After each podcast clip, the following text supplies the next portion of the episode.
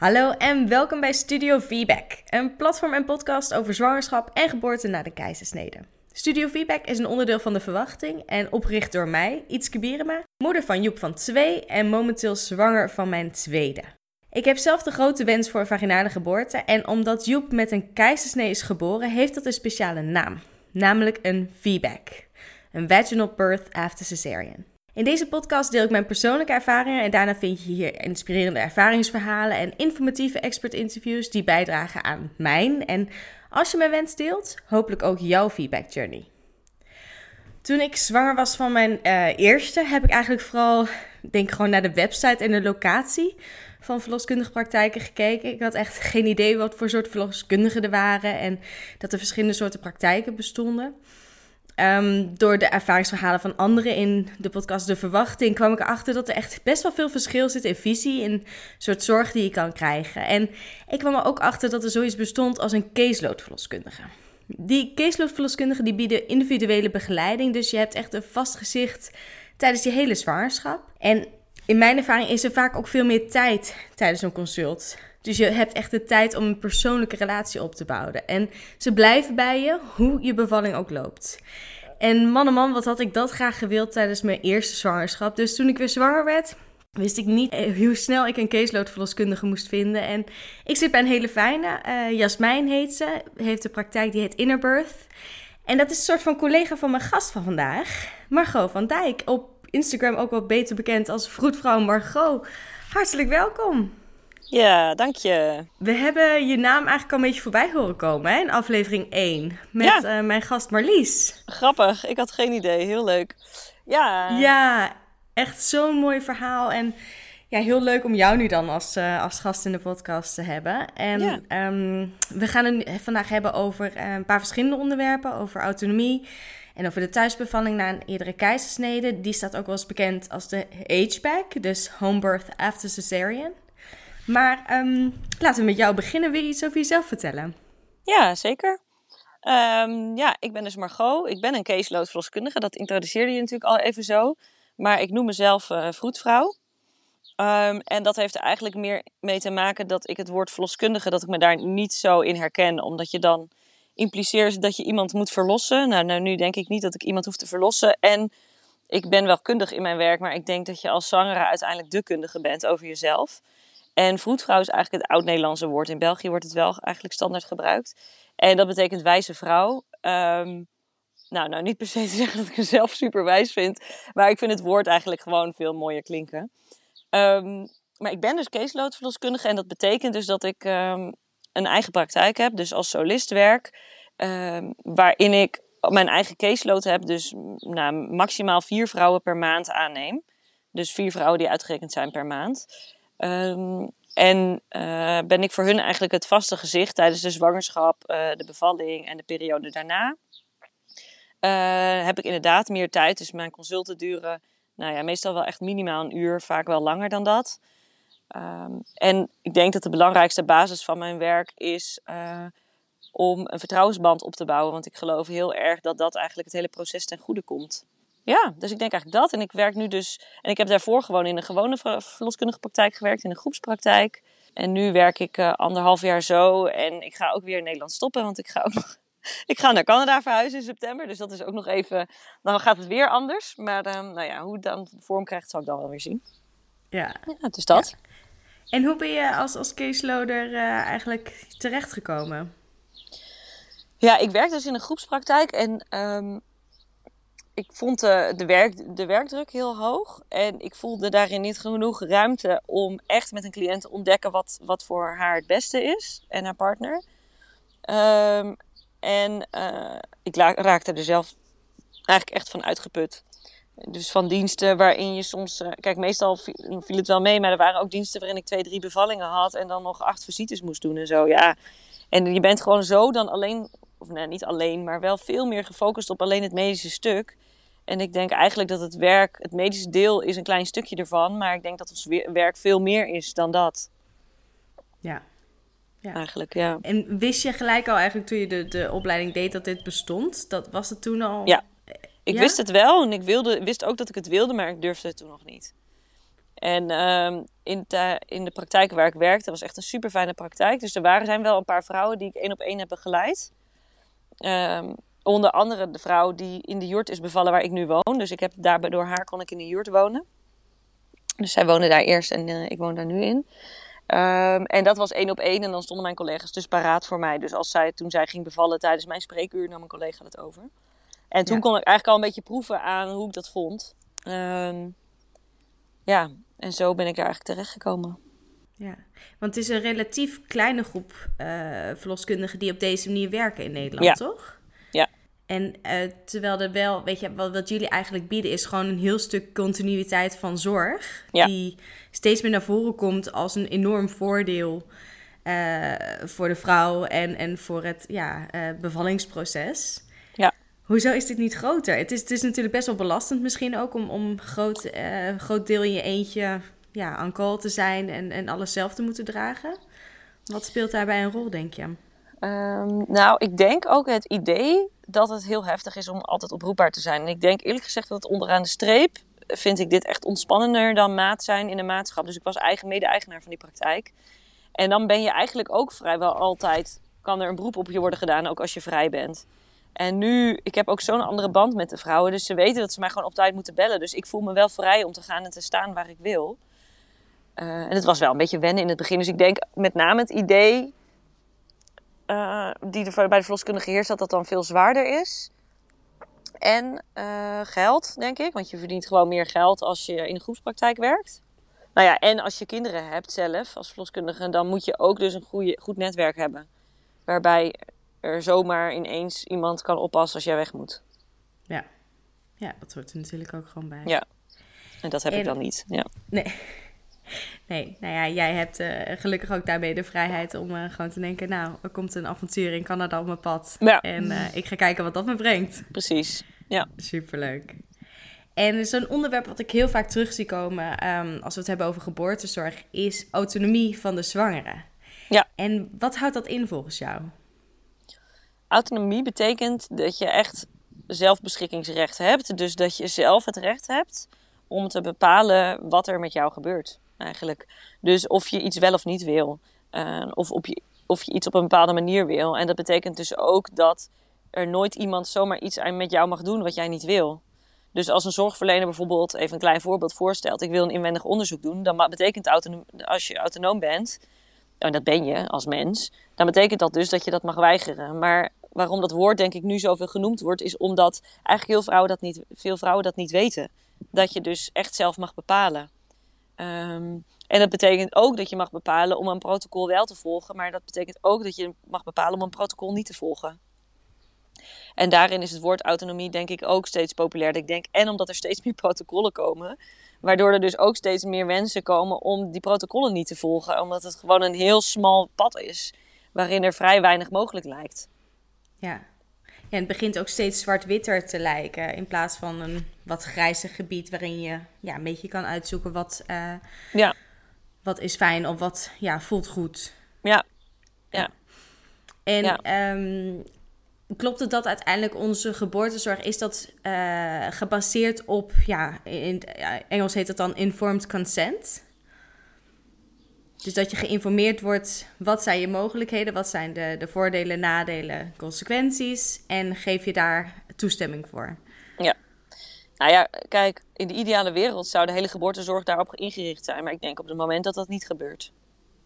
Maar ja. ik denk informed consent is in die zin zeker een, een, een, een, een term en een manier van omgaan met elkaar uh, die de auto, waardoor een vrouw autonoom blijft.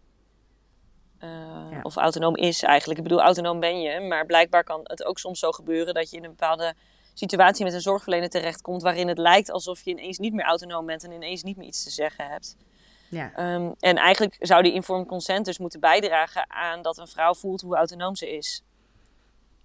Ja. Denk ik. Ja. Waarin je dus ja, de voor- en nadelen van iets bespreekt en, en de keuze dus bij de ander laat.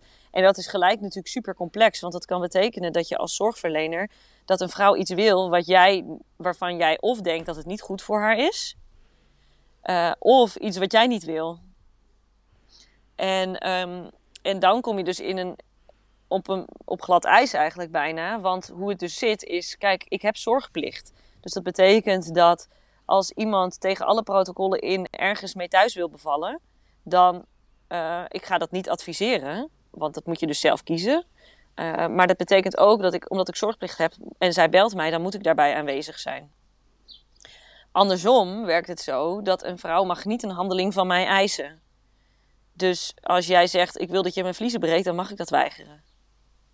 Dan moet ik wel natuurlijk gaan kijken van, en dan gaan we natuurlijk in gesprek. Dan ga ik dat niet zomaar weigeren, dan ga je met elkaar in gesprek. En stel dat, nou ja, is vliezen breken misschien niet zo'n hele spannende, maar nou, het kan zijn dat er een vrouw zegt: Ik wil een geplande keizersnede. En er is eigenlijk geen enkele medische indicatie. Dan mag een arts dat in principe weigeren. Uh, nou, sterker nog, ik denk dat in sommige situaties een arts zou moeten weigeren. Want wij hebben ook een eet gezworen waarin we niet schaden. Dus je gaat niet zomaar een medische interventie doen. Als je denkt dat dat niet nodig is. Maar goed, het is natuurlijk, je hoort al een beetje hoe complex dat wordt. Ja. Want ja, waar ligt dan die grens? En wanneer mag een vrouw zeggen: Ik wil dit? En wanneer mag een zorgverlener dan wel weigeren? En wanneer mag een zorgverlener niet weigeren? Dus dat is wel, ja, dat is een zoektocht. Ja, ja, heel erg. En ik hoor heel veel, en dat had ik ook tijdens mijn eigen eerste zwangerschap. Dan uh, ga je eigenlijk gewoon heel makkelijk mee in de flow van de reguliere, het reguliere pad. Je, je uh, krijgt een aantal consults. En, en zeker bij de praktijk waar ik toen zat, dat zijn 10 minuten consults. Dus je krijgt eigenlijk gewoon de normale checks. En dan heb je bijna geen tijd om nog meer vragen te stellen of überhaupt op die vragen te komen. Nee. Um, en je volgt gewoon. En dan is het best wel makkelijk. In ieder geval was het toen voor mij om gewoon braaf de stapjes te volgen. Want zo hoort het, dit is vast het beste. En heel vaak, en ik denk ook zeker uh, na een eerdere keizersnede, dan kom je een aantal dingen tegen waar je denkt van hé, hey, dat is echt niet gegaan zoals ik had gewild. Ja. En dat kunnen hele grote dingen zijn en dat kunnen soms kleine dingen zijn. Um, maar dan ga je nadenken over, ja, wat wil ik dan eigenlijk bij een volgende zwangerschap? En dan Ja. wordt het wat complexer. En zeker na een Ja. keizersnede heb je dan te maken met statistieken en risico's die je moet ja, leren kennen en interpreteren. En voor jezelf een waardeoordeel over moet geven. Ja. En um, een tool die ik dan ook wel regelmatig voorbij zie komen is de Brain.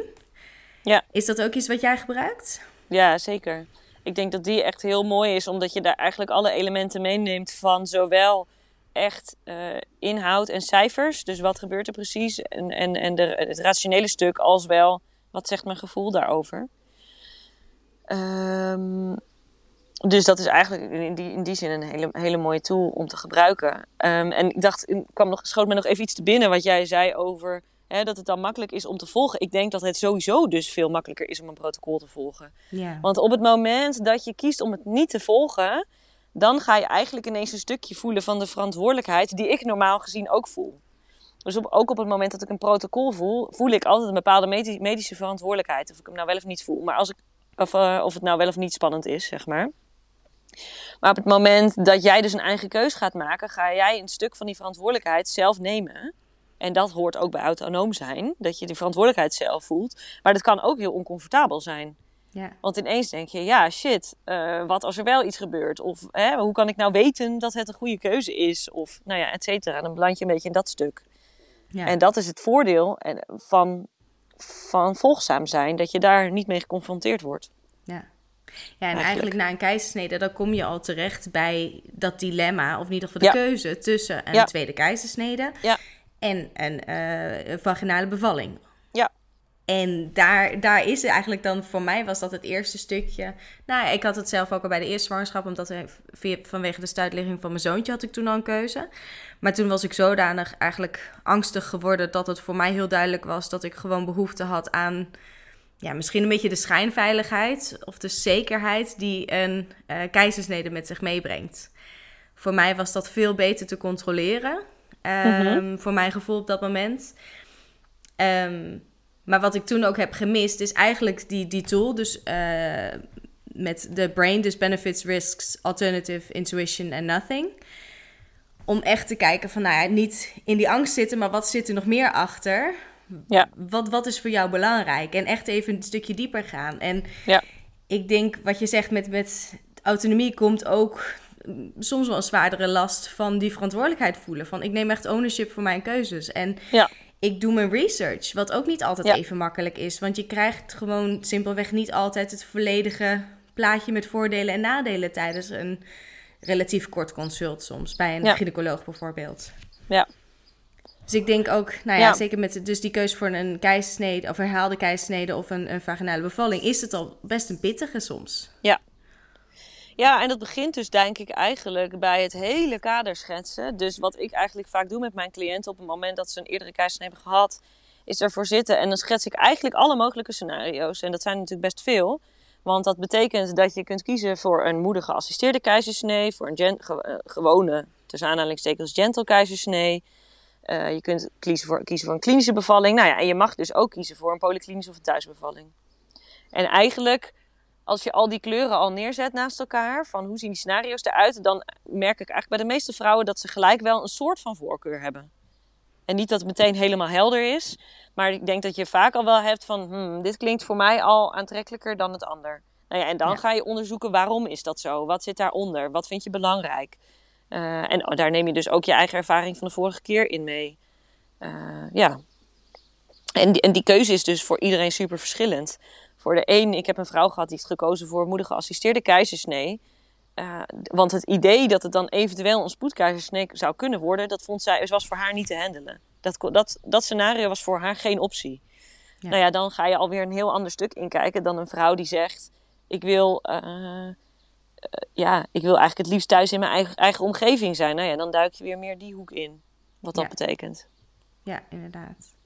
En van mij persoonlijk zijn een van de dingen die ik overweeg is wel of geen CTG. Dus ik, ik eh, eh, ben heel blij dat ik een, eh, met Jasmijn een caseload-verloskundige heb gevonden die mij continu begeleidt. Wat mijn keuze dan eigenlijk ook is. Dat voelt Ja. voor mij heel erg veilig. Precies. Ja.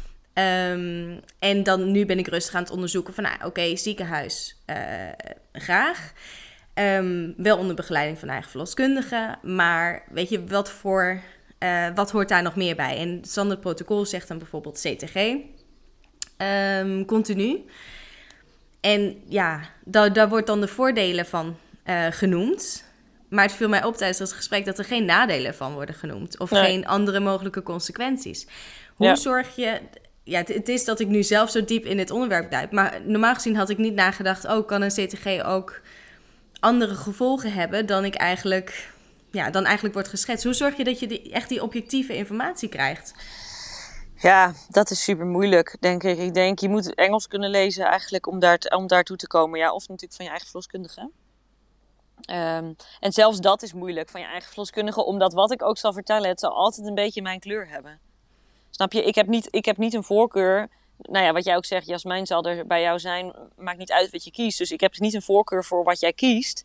Maar ik heb natuurlijk wel dingen in mijn leven meegemaakt als, als voetvrouw. Die het wel in een bepaalde. In, ja, die toch een beetje kleuren hoe objectief ik ook probeer te zijn. Dus in die zin vind ik het ook gezond om ook naast je, je eigen zorgverlener nog op zoek te gaan naar informatie. Ja, en dan vind je over een feedback, vind ik, niet zo heel erg veel. Dan moet je echt, er is één heel goed boek van Hélène, nou ja, een van de Franse naam, Hélène, Giving Birth After Cesarean or Two. Ja, ja Dat is wel een goed boek. de show notes zetten. Ja, ehm, daar, ja daar, vind, daar vind je wel veel. En verder zal je eigenlijk alle onderwerpen ja, los moeten uitpluizen. Eh, Ja. En dan zeker het, het CTG is natuurlijk weer heel, is eigenlijk een super groot en weer helemaal losstaand onderwerp. eh, wat je kan bekijken en dan ook nog weer kunt relateren aan een keizersnee. Ja, dat is complex. Ja, heel erg. Volgens mij zag ik dat je daar vrijdag, nu hoop ik Ja. dat deze online is voor vrijdag, maar anders kan je terugzien op eh, Ja. eh, Instagram. Daar Ja. een live over hebt, over het CTG en eh, continu monitoren. Ja. Ja. Ja, nee, wat je zegt, dat is een onderwerp op zich. En op, Ja. als je daar dus niet zodanig bij stilstaat van, nou, wat voor, nou het is daar een soort interventie. Wat voor interventies heb je allemaal tijdens zo'n bevalling en wat vind ik daarvan? Ehm, ja, het is best moeilijk. Het is super moeilijk en het blijft ook nog een beetje bij kansen. Hè? Het blijft bij cijfers ook. Ja, wat is dan een cijfer? Oké, de kans is 1 op 200 dat het litteken scheurt. Ja, wat is dan zo'n kans? Ja, Weet je wel? Ja, wat is er 1 op 200? Wat is een Ja. half procent? En Ja. hoe erg is dat dan als dat gebeurt? En Ja. ook die situatie zal dus voor iedereen anders zijn. Voor de een is dat idee dat, dat, dat daar dan een complicatie optreedt heel groot. En de ander denkt, nou ja, daar kan ik wel mee leven. Weet je, ja. Ja, ja, inderdaad.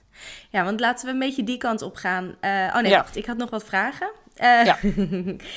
dat is ook onder andere met dat je ehm, het geboorteplan En, en daar eigenlijk een beetje ownership nemen over eh, de voorbereiding van je bevalling. En dat zet je dan vaak in een geboorteplan of een lijst met wensen. Het is net hoe je het wil noemen. En daar ehm, hoor ik eigenlijk de laatste tijd ook wel weer veel cynisme over. En volgens mij is dat niet per se van de laatste tijd, is dat zolang het bestaat. Van je weet toch niet hoe het loopt en weet je, don't get your hopes up. Hoe kijk jij naar het geboorteplan? Nou ja, dat vind ik echt dikke bullshit. Dat het, dat, dat, ja, weet je, tuurlijk, het, het leven loopt anders. Maar dat betekent niet dat je je er niet op kunt voorbereiden. Dus kijk, in mijn ideale wereld zou een geboorteplan niet hoeven te bestaan. Omdat dan altijd alles met jou besproken zou worden wat er gedaan wordt. Dus dan creëer je wel een soort idee, een setting van ik wil graag dat het er zo en zo uitziet. Maar geboorteplan, medisch inhoudelijk, zou je in mijn ideale wereld niet hoeven schrijven. Omdat iedereen altijd respectvol daarin is en je altijd met informed consent werkt. Maar omdat dat niet gebeurt, hebben we een geboorteplan nodig. Uh, en niet niet gebeurt, niet dat het nooit gebeurt. Hè? Ik bedoel, het gaat ook op heel veel plekken wel goed, maar die garantie krijg je niet. Nee. Um, en dat is waarom je bij een geboorteplan uitkomt, onder andere. Plus, ik denk dat het een hele goede manier is om je voor te bereiden. Um, en ik, weet je, maar ik denk, als ik voor mijn eigen cliënten spreek, tuurlijk hebben ze een soort ideaal scenario. Ik zou het liefst willen dat het zo gaat. En ik denk dat het ook gezond is om dat te hebben, want als je niet weet wat je wil, dan kun je het ook niet krijgen. Maar de kunst is om je daar niet op vast te pinnen. Dus ook om ruimte te laten voor, uh, voor, voor andere mogelijkheden. Dus weet je, misschien zeg je wel: ik wil graag uh, in bad bevallen zonder pijnstilling. Nou, dat kan. Of zonder pijnstilling en nou, zo rustig mogelijk, hands-off, zoiets. Maar stel dat jij na, na twee uur denkt: ja, verdorie, ik wil pijnstilling, maar in, mijn, in je geboorteplan stond het niet, dus dat kan niet. Bij wijze van spreken, weet je. Dus dat je ook gewoon ruimte laat voor verschillende mogelijkheden. Het kan per ongeluk, misschien duurt het wel heel lang. Of uh, is er iets anders? Ligt je baby niet goed, waardoor je extra pijn hebt en toch denkt, hmm, ik zou wel pijnstilling willen. Uh, maar ook andersom. Uh, misschien denk je wel, ik wil super graag het ziekenhuis bevallen. Maar wat nou als jouw verloskundige bij je binnenkomt en je hebt persdrang? Weet je, ga je dan nog weg? Nou ja, dat soort... Ik denk dat, je, dat de kunst is dat het niet een planning is van zo gaat het. Maar dat je het gebruikt als voorbereiding. En, als, um, nou ja, en dat je zorgverlener denk ik ook gewoon wel weet hoe je erin staat. Hoe sta je, hoe sta je in, de, in dat proces ja. van bevallen? En dat is denk ik, als je bij een caseload bent, dan heb je voor haar eigenlijk, voor Jasmijn, heb jij geen geboorteplan nodig. Want zij, tegen de tijd dat jij gaat baren, dan kent ze jou en weet ze echt wel wat jij wel en niet wil. Ja. En weet ze ook hoe ze jou moet benaderen. En weet je, dan heb je daar zoveel gesprekken over gehad. Dus voor haar hoef je inderdaad geen geboorteplan te maken. Nee. Nee, ik vond het ook zo sterk hoe, hoe uh, Marlies in aflevering 1 vertelt over een aantal dingen die bij haar gewoon heel tri triggering waren vanuit haar eerste keizersnee. Dat zei van, nou, dat stukje wil ik gewoon echt niet. Dat vond ik gewoon heel ja. heftig en het is onnodig en dat was volgens mij bijvoorbeeld of dat kindje aan de eh, voeten omhoog werd gehouden. Nou, dat kan ik me heel goed voorstellen als je zo'n beeld hebt dat echt op je netvlies is gebrand. Of het is een manier waarop je tegen je wordt gesproken, bijvoorbeeld. Dat je dan ja. daarin zegt van, nou, dat is voor mij gewoon echt een harde grens. En dan kan het gaan zoals je wil. Ja. Of zo, ja, ze kan het gaan zoals het gaat, maar het, dan hoeft dat in ieder geval niet te gebeuren. En ik denk dat dat ook wel een stukje zekerheid is, van dat krijg je in ieder geval. Er gaat ja. niemand, weet je, als je gevoelig bent uh, over schreeuwen, gaat, kan je er best ervoor zorgen dat niemand tegen je gaat zitten schreeuwen. Ja. ja of en je kindje op een bepaalde manier vasthoudt. Dat je ja. altijd indien mogelijk je kindje kan blijven zien. Ja. ja. Precies. En um, je post een hele tijd geleden over uh, nou, autonomie op, op Instagram. En daar stond een, uh, ik vond het echt briljant, nee is nee, ook tijdens een wee. Oh, en die is top. En, um, maar ik kan me voorstellen, en je zei het net ook al even, het vraagt ook wel wat van je als je als, um, uh, als een cliënt iets van je vraagt waarbij je denkt van, hmm, ik weet niet hoe dit voelt. Ik, ik ja, heb hier een ander gevoel bij en, en ik kijk hier anders aan. He, hoe ga je daarmee om? Ja. Heb, heb je grenzen uh, of ja, hoe ga je zo'n gesprek in? Nou, kijk, um, Mm, goeie vraag. Kijk, heb verschillende vragen in één. Ja, precies. Nee, maar ja, ik zit even te denken, hoe vlieg ik dit aan? Kijk, ja, ik bedoel, iedereen heeft grenzen. Uh, in die zin. Maar ja, mijn grens is natuurlijk, is er. En tegelijkertijd zei ik net ook al, van ja, ik heb ook zorgplicht. Uh, maar goed, als we van tevoren al ontdekken dat, dat ik tegen mijn eigen grenzen aanloop, dan ga ik daar ten eerste eerst zelf mee aan de slag. Want de vraag is, wat moet ik, hè, waarom zou ik mijn cliënt hiermee moeten belasten? Want misschien heb ik wel iets heftigs meegemaakt als verloskundige zijnde. Uh, waarin ik misschien zelf echt nog even tijd en aandacht aan moet besteden. Om te kijken van, ja, heeft dit nou eigenlijk met deze cliënt te maken? Of is dit iets in mij wat, waar ik nog moeite mee heb? Kijk, en als je er echt niet uitkomt met elkaar, dan ga je op zoek naar een andere zorgverlener. Maar goed, dan heb je hopelijk toch wel echt heel veel goede gesprekken met elkaar gehad. En oplossingen gekeken waarin je elkaar kan vinden. Ja. En ik moet eerlijk zeggen dat ik met mijn cliënten wel elke keer tot zo'n vertrouwensband ben gekomen. Niet dat ze iets doen omdat ik het wil of niet wil. Maar dat er dus ergens ook ruimte is voor. Uh, dat, ja, het klinkt misschien een beetje flauw. Ja, arrogant misschien. Maar dat er ruimte is voor mij. In die zin. Weet je, je hebt ook mij uitgekozen om erbij te zijn. Dus waarom heb je mij gekozen en wat verlang je daarin van mij? En um, weet je, als ik dan stel dat ik heel veel dingen niet zou mogen doen. Maar um, waarom zou ik er dan überhaupt bij zijn? Weet je, die vraag heb ik ook wel eens bij cliënten van mij gesteld. Stel, oké, je wilt niet dat ik het hartje luister, je wilt niet dit, en dit. Waarom, wil, waarom moet ik er dan bij zijn? Want weet je wel, ja, en, en, en dan komt er vaak toch nog iets naar boven van, oh, maar ja, je moet er wel bij zijn, want. Uh, en dan kom je elkaar wel weer ergens tegen. Ja. Maar het is complex, zeker. En het betekent ook dat ik soms mijn eigen angsten recht in de ogen aan moet kijken. En weet je, ik, de eerste keer dat ik bij een, keizer, eh, bij een bevalling was thuis, thuisbevalling van een keizersnede, ja, ik vond het ook spannend. Ik bedoel, ik had het ook gewoon nog nooit gedaan. Nee. Nee, ja, dat, dat dus... lijkt me inderdaad ook dan, wat je zei, die verantwoordelijkheid die je dan voelt. Dat heb je op dat moment al, want het is nieuw en uh, ja, enorm voelt dat zo uh, als een last op je schouders, denk ik wel. Nou ja, en de kunst is dus begrijpen dat die verantwoordelijkheid dus niet, mijn verant niet alleen van mij is, maar dus ook van jou als vrouw zijnde. Als je kiest, nou even, we hebben het dan even over de thuisbevalling bij keizersnee. Ja. Dat je echt goed begrijpt wat daar, waarom, waarom het protocol zegt wat het zegt. En waarom je dus die verantwoordelijkheid en de consequenties van je keuzes echt zelf draagt. Ja. Eigenlijk. Ja. Ja, want laten we daar wat, eh, wat dieper op ingaan. Um, ik denk dat dat voor veel vrouwen. Nou ja, ik was toen ik uh, net zwanger was, ben ik een beetje gaan googlen weer naar praktijken bij mij in de buurt. En was gewoon nieuwsgierig, want bij één stond er: um, wij begeleiden je bevalling waar je wilt en hoe je wilt. Toen dacht ik, nou, dat klinkt goed. Dus ik bel met uh, de wens om, om uh, met mijn eigen verloskundige in het ziekenhuis te bevallen. vanwege de medische indicatie van mijn keizersnee. En toen zeiden ze assistenten: nee, nee, nee, maar dat doen we niet. Hmm. Uh, en toen werd het eigenlijk gelijk al duidelijk van binnen eigenlijk de protocollen heb je dezelfde vrijheid en denken wij met je mee. En toen dacht ik, mhm. oh ja, dus dit wordt eigenlijk al anders omschreven dan, uh, op, dan op jullie website staat. En dan kom je ook al gewoon snel terecht bij een, uh, een caseloader, omdat daar, ja, ik denk dat zit een stukje instelling wat je zei. En ook gewoon een heel veel uh, meer tijd om elkaar al vroeg in, in, de, in het proces te praten over de bevalling. Ja. En daar dus achter te komen, niet gedurende één gesprek rond de 30 weken. Van, oh ja, hoe zie je de bevalling uh, eigenlijk voor je? Maar al best wel vroeg in, uh, in de zwangerschap ga je praten over, nou, hoe, weet je, wat zou je willen? Samen ontdekken, informatie geven. En um, ja, stel, je komt, uh, of iemand komt klopt bij je aan en zegt van nou, ik wil graag thuis bevallen. Ik heb een uh, keisnede in de amnese. Hoe werkt dat verder met jou? Nou ja, eigenlijk ga je eerst in gesprek van wat speelt daar dan? En, en, en, en uh, nou ja, ik, ik luister meestal eerst van waarom thuis. Um, en dan, nou, zoals ik net al zei, schets ik even nog wel zo even alle scenario's. En hoor ik ook van de vrouw van hè, wat dan voor of tegen werkt in verschillende scenario's. Um, en dan heb je ook een gesprek over de kansen van, hè, want waarom is het advies dan ziekenhuis? Nou, vanwege de, kans op het scheuren van het litteken. Um, en het advies is dan CTG, omdat het CTG dan 60% daarvan zou opsporen. Uh, dus 40% niet, uh, voor de duidelijkheid. Uh, en er is eigenlijk geen materiaal of geen onderzoek nog hoeveel een vroedvrouw op zou sporen. Dus hè, ik, ik maak wel eens een grapje daarover. want ik ga dan vaak met mijn cliënten naar de gynaecoloog toe.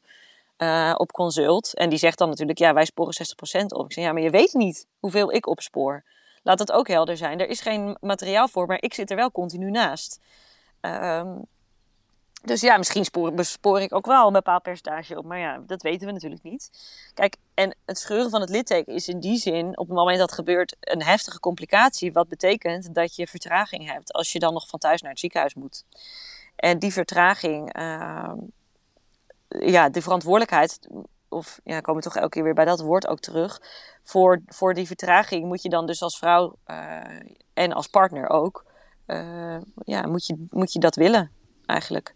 En dan zijn er dus vrouwen die zeggen, ja, maar dat weegt, die kans van 1 op 200 weegt voor mij niet op tegen het feit dat ik het gevoel heb dat ik thuis beter ga baren. En er is trouwens recent een Canadese onderzoek uitgekomen waarbij dus inderdaad bleek dat vrouwen feedback die thuis bevallen, dus een hogere slagingskans hebben dan uh, in het ziekenhuis. Ja. Ja, maar goed, die complicatie is natuurlijk wel echt heftig. En ik kan hem ook niet oplossen. Ik kan ook niet, want bij het scheuren van het litteken moet die baby gewoon zo snel mogelijk eruit. Um, ja, dat kan ik thuis niet. Nee. Dan. Nee, nee daar houdt het dan op. Um, En daar uh, bij het scheuren van het litteken wordt dus met de CTG opgespoord. Maar dat kan ook, uh, neem ik aan, dat je wat je opspoort is eigenlijk dat het hartje van het kindje uh, ja. niet herstelt na een wee of, of, ja, anders doet dan dat je eigenlijk graag wil zien, toch? Ja, maar dat betekent natuurlijk niet dat het scheurt. Dat, kan, dat zou ook met de doptoon kunnen. Kijk, en, en het scheuren van het litteken is meer dan alleen het hartje van de baby. Dus de verhalen die ik zelf heb gehoord zijn, die vrouwen weten wel dat het scheurt. Die voelen dat wel. Uh, maar goed, het kan ook dat je het niet voelt. Uh, ja. En zeker als je een ruggenprik of zo hebt. Maar goed, dan heb je natuurlijk altijd een CTG. Um, dus extreme pijn bij het litteken, ook tussen de weeën door, bloedverlies, bloed in de urine. Uh, nou ja, dat soort uh, klachten kunnen daar dan bij komen kijken. Dus ja, het CTG spoort het op, maar ja, zoals ik zei, het spoort ook 40% ervan niet op. Ja. Dus dat is wel ook, ook daarin goed om te weten. Niet omdat je dan het CTG dus niet moet doen, maar wel dat je moet beseffen dat er dus, er is dus geen gouden standaard waarmee we het sowieso op gaan sporen. Ja. Die is er niet. Nee. Nee, want stel, dat bedenk nu gewoon, de CTG of ja, CTG of, of luisteren met uh, doptoon, dat sport het niet op, maar is wel gescheurd. En de moeder, ja, ik geloof echt sterk in dat de moeder toch wel heel vaak gewoon zelf denkt van, hé, hey, is iets mis, er is iets anders, dit is niet goed, maar stel dat is ook niet gaat de bevalling dan gewoon nog door? Blijven de weeën komen? Of zullen die dan... Ja, want uiteindelijk het is natuurlijk een spier en er zit een scheur in een spier. Dus die gaat toch iets anders doen, neem ik aan. Nou ja, je verwacht eigenlijk natuurlijk dat ten eerste die baby daar op een gegeven moment wel op gaat reageren. Dus dat je hem hoe dan ook uiteindelijk wel eruit krijgt. Of hè, dat je dat wel opspoort door wat de baby gaat doen. Alleen weet je dan natuurlijk niet hoeveel die baby al heeft ingeleverd. Maar je verwacht dat het in principe dat de weeën dan stoppen. Um, en een enkele keer krijg je een hypertonie. Dus dat die buik juist heel hard aanspant zonder te ontspannen. Dat kan ook. Oké. Okay. Ja. ja. En... Kijk, en de meeste, de, kijk, de meeste, ook als het gebeurt, betekent het ook niet dat er iemand doodgaat. Hè? Dus daar, maar die kans is dan natuurlijk, wordt iets groter. Maar dat betekent niet dat je sowieso, dat je baby overlijdt of dat er iets met jou uh, gebeurt. Alleen, ja, het, het is wel vaak veel complicaties voor moeder of voor kind. Ja. En ik weet niet of je die, die kansen en statistieken allemaal paraat hebt. Maar volgens mij de, de kans op een ruptuur wordt gemiddeld gezegd tussen 0,5 en ja, er zijn er wat verschillende onderzoeken die ietsjes hoger uitvallen. Uh, klopt dat? Ja, nou, het, het, wisselt dus heel erg. Op het moment dat je niks doet, dus geen enkele interventie, is die een half procent. Ga je daar oxytocine op zetten of ga je de vliezen breken, dan gaat die kans omhoog. Ja. Dus niet als de vliezen uit zichzelf breken, maar als je dat als interventie inzet. Ja. Dan gaat de kans op het scheuren omhoog. En dan is die nog steeds, uh, ik geloof met oxytocine, dus bij stimulatie wordt die geloof ik anderhalf procent, zoiets. Ja.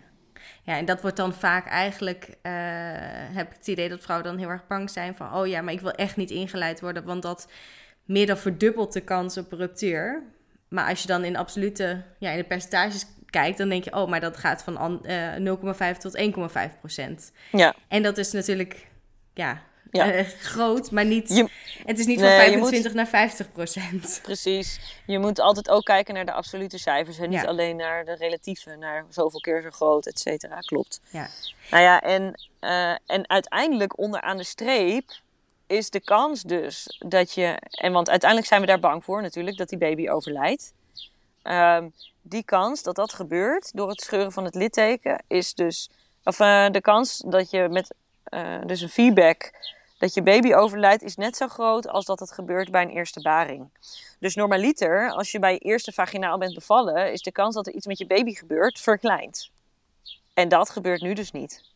Dus in die, weet je, ja, nou ja, om het soms ook even nog weer in dat perspectief te Ja. zetten. Want uiteindelijk zijn we daar natuurlijk bang voor. Ik kan, ik kan er omheen praten, maar Nee, ja. daar moet je het dan over hebben. Ja, Ja. en dat is natuurlijk heel heftig. Extreem heftig en dat wil niemand. Nee. En dat is waarom die angst en het protocol en dergelijke daar allemaal ook is bijgehaald. ja. Om dat proberen te voorkomen. Nou ja, en het is natuurlijk ook, eh, weet je, protocollen eh, worden, ik wil ze zeker niet wegzetten als iets negatiefs. Ze kunnen ook heel vaak heel fijn houvast zijn en een hele mooie richtlijn zijn.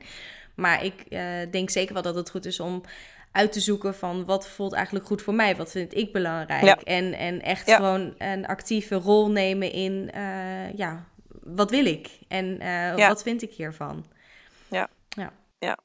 Nou ja, en ik denk bij het scheuren van het litteken, zeg maar, de keren dat er iets bij de feedbacks bij mij niet liep en bij mijn collega ook, er komt altijd, wij noemen dat, eh, Elke en ik noemen dat onderling dan een rode vlag, er komt altijd nog iets bij.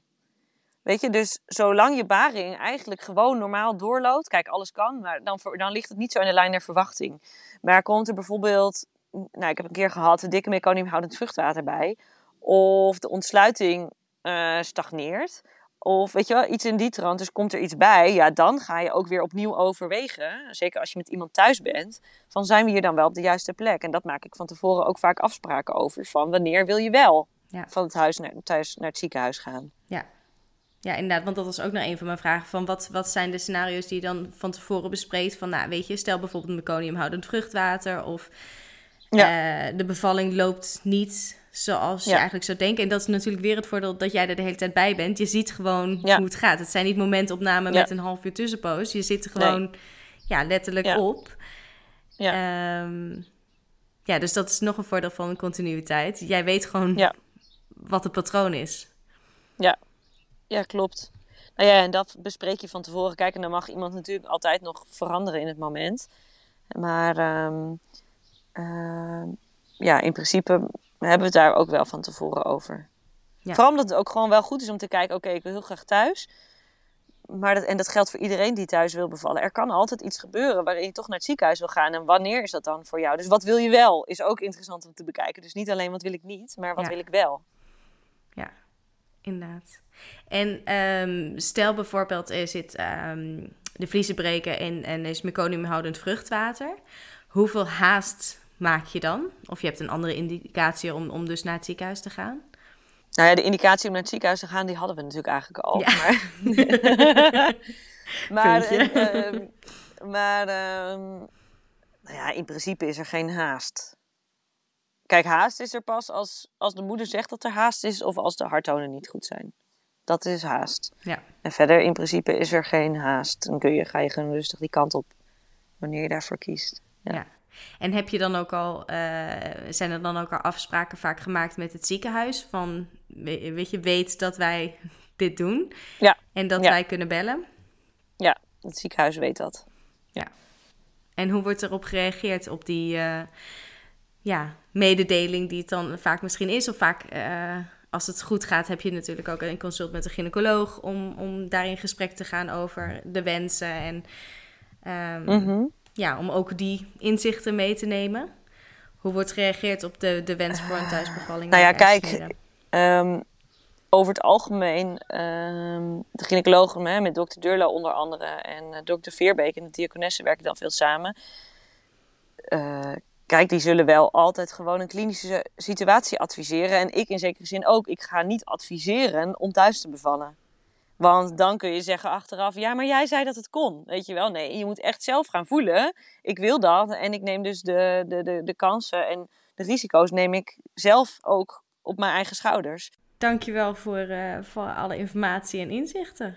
Op studiofeedback.nl deel ik meer informatie over autonomie en de thuisbevalling na een keizersnede. En op Instagram praten we hier ook over verder.